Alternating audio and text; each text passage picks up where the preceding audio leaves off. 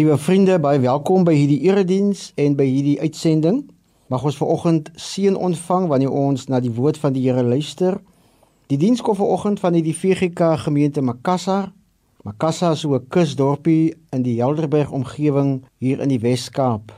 Die gemeente is hierdie jaar 44 jaar oud en hier is ongeveer so 2500 lidmate.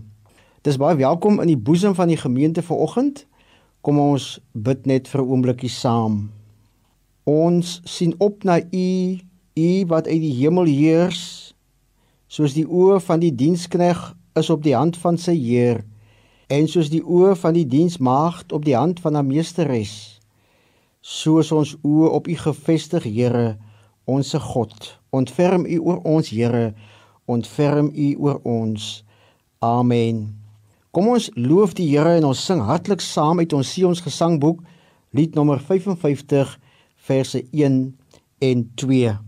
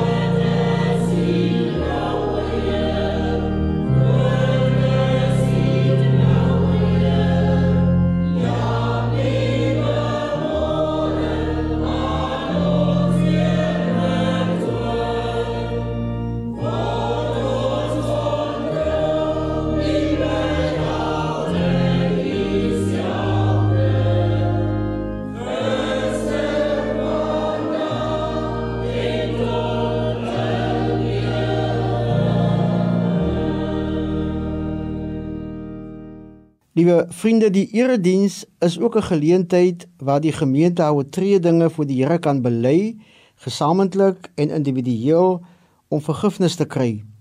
Die Here se woord sê as ons ons sondes bely, God is getrou en regverdig om ons die sondes te vergewe, veral ons oortredinge van die liefdesgebod.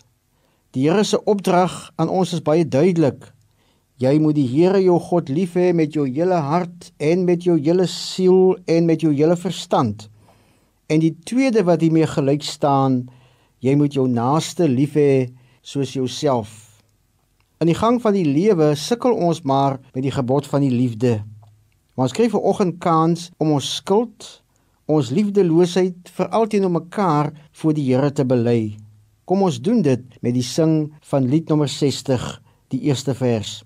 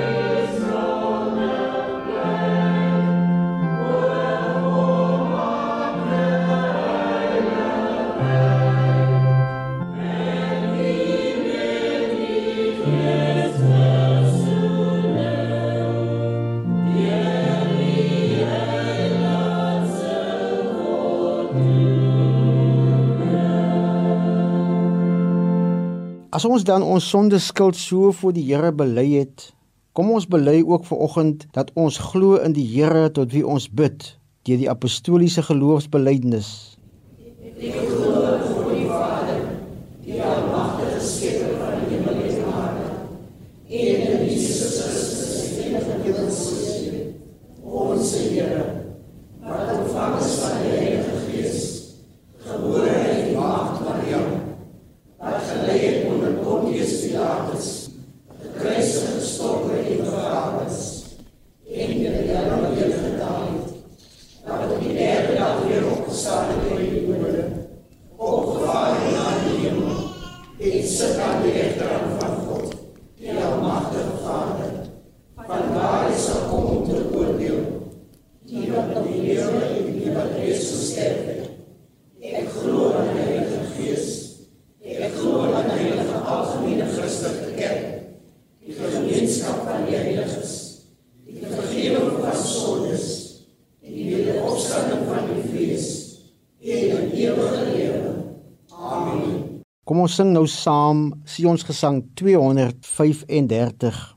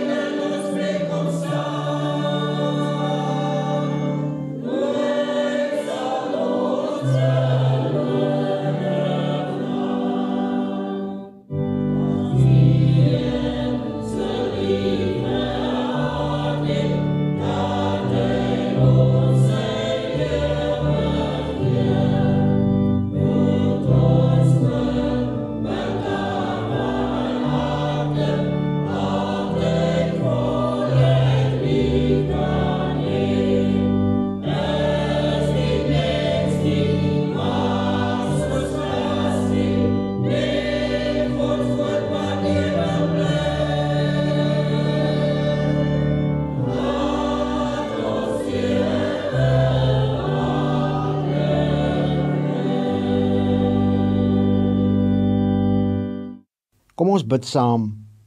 Here, ons Here, hoe heerlik is U naam oor die ganse aarde. Ons wil U vanoggend loof en prys. Baie dankie vir hierdie heerlike voorreg om uit U woord te kan lees. Dis 'n voorreg, Here, want ons praat met U en U praat met ons vanuit U woord. Dankie dat U nooit ophou om met ons te praat nie. Dankie dat ons die woord kan deel met almal wat binne hoër afstand van ons af is. Help ons deur die werking van u Heilige Gees vanoggend om u stem te hoor. Amen. Ons sing nou gesang 215 verse 1, 2 en 3.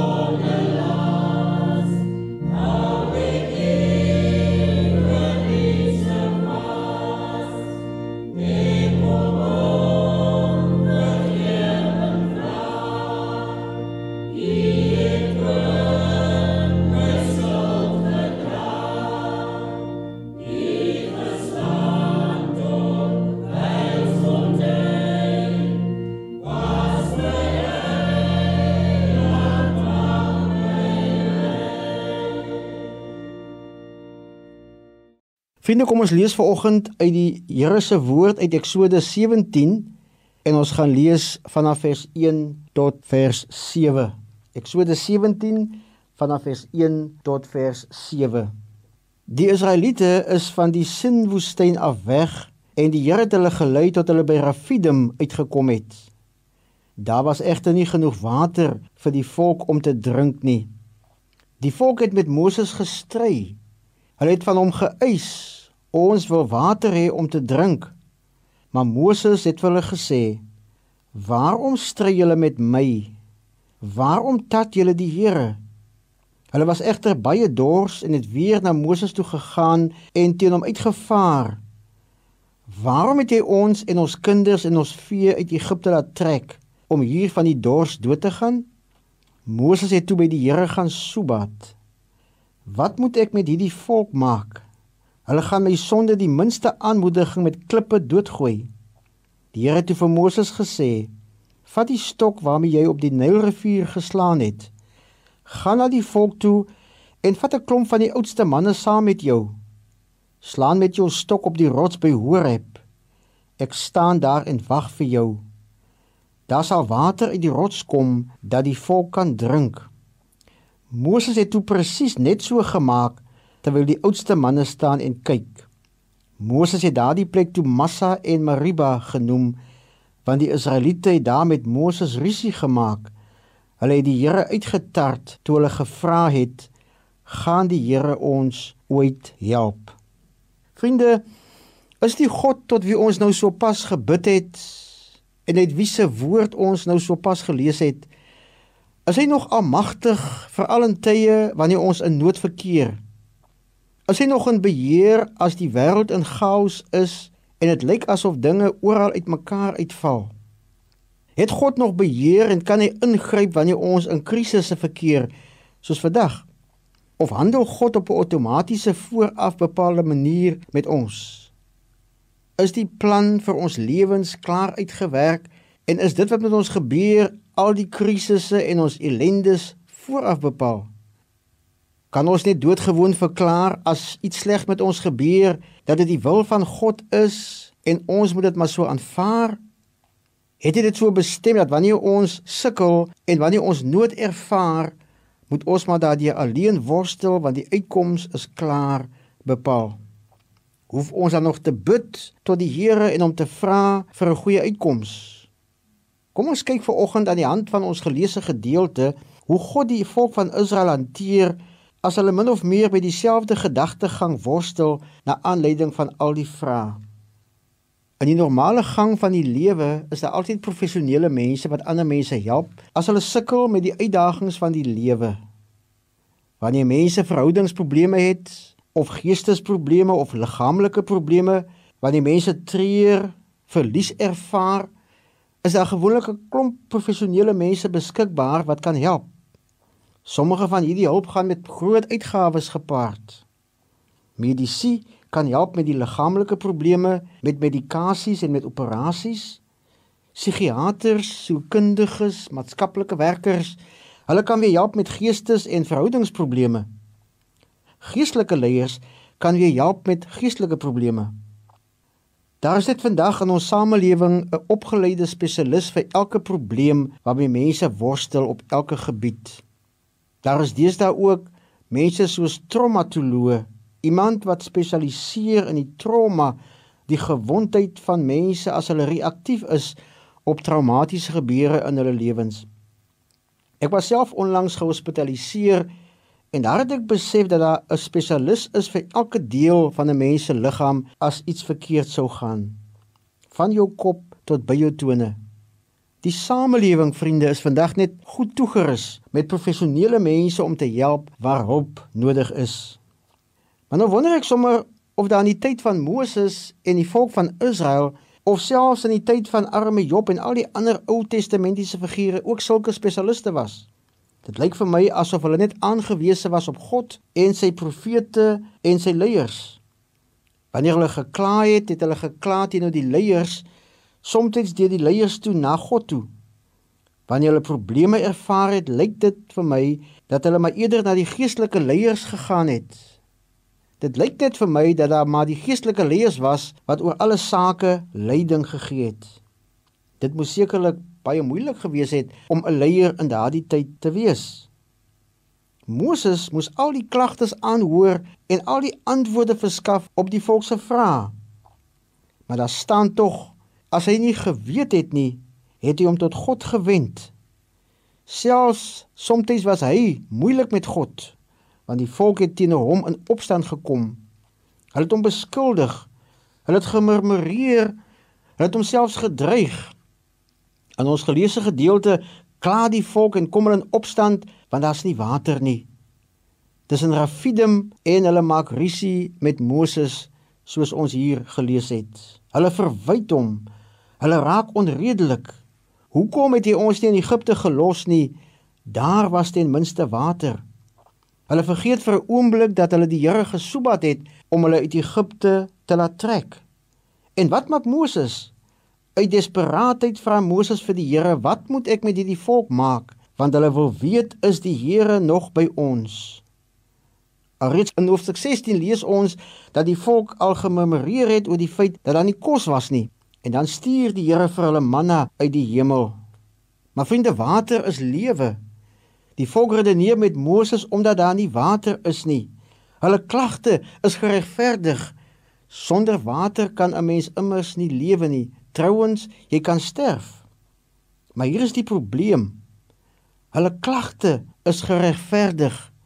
Die probleem is die volk se gebrek aan geloof in die God wat hulle tot daartoe gebring het, wat tot hiertoe vir hulle voorsien het. Daarom rig Moses hom eerder tot God. En as God reageer, dan reageer hy nie op hulle gebrek aan geloof in hom nie, maar hy reageer op hulle menslike behoeftes. Hy voorsien hulle van water. Hy bly getrou aan sy volk. Hy gee vir hulle dit wat hulle vra.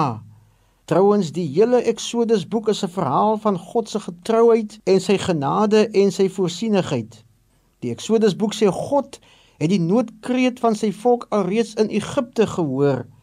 Hier by Rafidim gee hy vir hulle water. God gebruik Moses se staf om vir hulle die water te bewerkstellig. Die staf wat Moses in sy hand gehad het, liewe broers en susters, was nie 'n gewone staf nie. Dit kom met 'n geskiedenis. Dis dieselfde staf wat Moses op God se bevel by geleentheid op die grond gegooi het en wat in 'n slang verander het en weer terug verander het na 'n staf toe.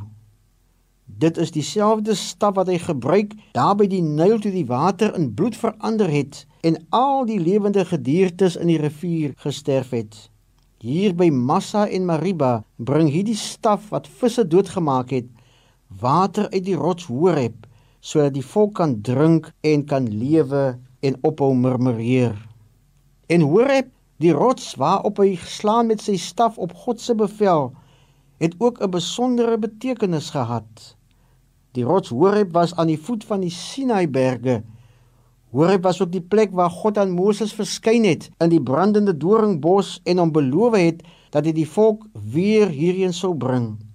Horeb was dus 'n plek van ontmoeting, 'n plek van besondere betekenis. Ook hier by die rots Horeb by die Sinaiberg sou God sy 10 gebooie aan die volk deurgee. Dis die plek waar God hom telke male aan die volk geopenbaar het. Tog vra die volk by hierdie betekenisvolle rots vol openbaringe, is die Here by ons of nie? Miskien het die volk gedink God het van hulle vergeet of hy gee net nie om wat met hulle gebeur nie. Al is die volk hoe ondankbaar en hoe ongeskik en hoe beledigend en onnadenkend kom God hulle nogtans tegemoet. Dus die wonder van die God wat ons aanbid, God se geduld Sy lankmoedigheid met die volk laat 'n mens met verwondering. Hy kon hulle sekerlik ook laat sterf het van dors as gevolg van hulle rebelsheid, as gevolg van hulle ongehoorsaamheid en as gevolg van hulle ongeloof. Maar hy sê vir Moses: "Ek sal voor jou op die rots by Horeb gaan staan." Liewe vriende, dit is maklik om God se teenwoordigheid te ervaar wanneer dit met ons goed gaan of om soms in goeie tye glad nie eens bewus te wees van sy teenwoordigheid nie. As die probleme opduik, dan begin ons dikwels te wonder oor die teenwoordigheid van God, soos die volk Israel. As die lewenswater letterlik vir ons opraak, begin ons rond te kyk en te vra en te blameer. Is die Here in ons elende, in ons stryd? Is hy nog by ons? Kan hy nog iets aan ons omstandighede, aan ons situasie doen? Het hy nog almag oor my situasie? Wanneer die siektes en die hartseer en die teleurstellings en die trauma en die finansiële krisisse van die lewe kom, dan begin ons geloof soms te wankel of te vou. Dan soek ons iemand om te blameer en ons gaan soek dikwels hulp by die verkeerde plekke. Die Here wys vir die volk en vir Moses deur julle goeie en julle slegte tye is ek die heeltyd by julle teenwoordig. Vriende, swaar tye in ons lewens beteken nooit dat die Here ons verlaat het nie. Dit beteken nie dat hy afwesig is nie. Die Here sê vir oggend vir u wat luister, wat dalk nog mag twyfel, ek is voor jou en ek staan agter jou en ek is hier by jou. Jy hoef nie angstig te wees nie. Glo met 'n vaste vertroue dat ek sal voorsien dit wat nodig is vir jou om te lewe. Somstyds sê die Here ook vir ons in ons opstandigheid, in ons vra en ons wonder, sê die Here somstyds vir ons, ek sal vir jou stry. Jy moet stil wees. Die stryd wat jy nou ervaar, sal verbygaan. Sal 'n bietjie ligter word omdat ek by jou teenwoordig is. Jy moet die Here toelaat om aan die werk te bly in jou lewe. Die moeilike tye in ons lewens moet ons eerder help om ons verhouding met God te verdiep. Horeb, Massa, Mariba moes eintlik 'n plek van aanbidding en van dankbaarheid vir die volk gewees het. Maar hulle maak dit 'n plek van rusie en 'n plek om God op die proef te stel. Daarom, liewe vriende, moet die vraag in tye van stiltes en van droogtes en van skaarstes nooit wees of die Here nog by ons is nie. Maar waarheen wil die Here ons lei met die krisis? die druk van die lewe, die tekorte in ons lewens maak dat ons baie meer vra begin vra as voorheen. Somstyds moet ons in plaas van die klomp vra net stil word voor die Here en net bely God is almagtig. Hy bly in beheer. Hy sal voorsien. Hy sal die oplossings vir ons bring. Ons kan nooit sy raadgewer wees nie. In tye van nood is die beste raad om net aan God vas te hou want hy spesialiseer nie net in een gedeelte van jou wese nie. Hy spesialiseer in ons totale menswees. Hy is nie net daar vir ons liggaamlike probleme en behoeftes nie. Hy is ook 'n sielkundige, 'n psigiater, 'n traumatoloog, die dokter, 'n maatskaplike werker, noem maar op. Daarom kan ons hom met ons lewens vertrou, maar ook met ons krisisse. Neem dus die Here op sy woord As daar 'n tekort is nou in jou lewe, is die belofte van God dat hy weer sal voorsien, nou of later, maar op sy tydskaal. Die Here help u met wat u ook al kort kom. Amen. Kom ons bid saam. Here, baie dankie vir die waarborg van u teenwoordigheid in ons lewens. Dankie vir u voorsienigheid, altyd betyds. Help ons om nie soos die volk opstandig of selfs moeilik te raak in tye van krisisse in ons lewens nie. Dankie vir u belofte dat u vir ons lewende water sal gee sodat ons nooit weer sal dors kry nie. Help ons Here om elke dag net op u beloftes te wag.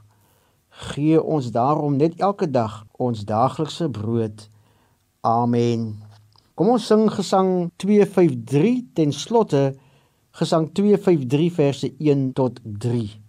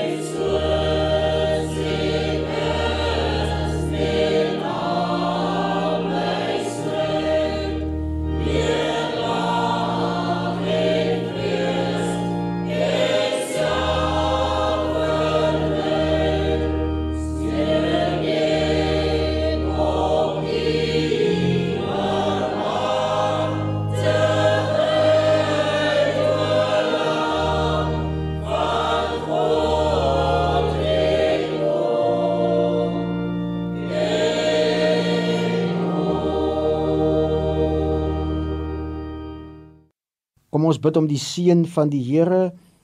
Mag die teenwoordigheid van die Here elke oomblik van hier af u vergesel op die lewenspad. Amen. You.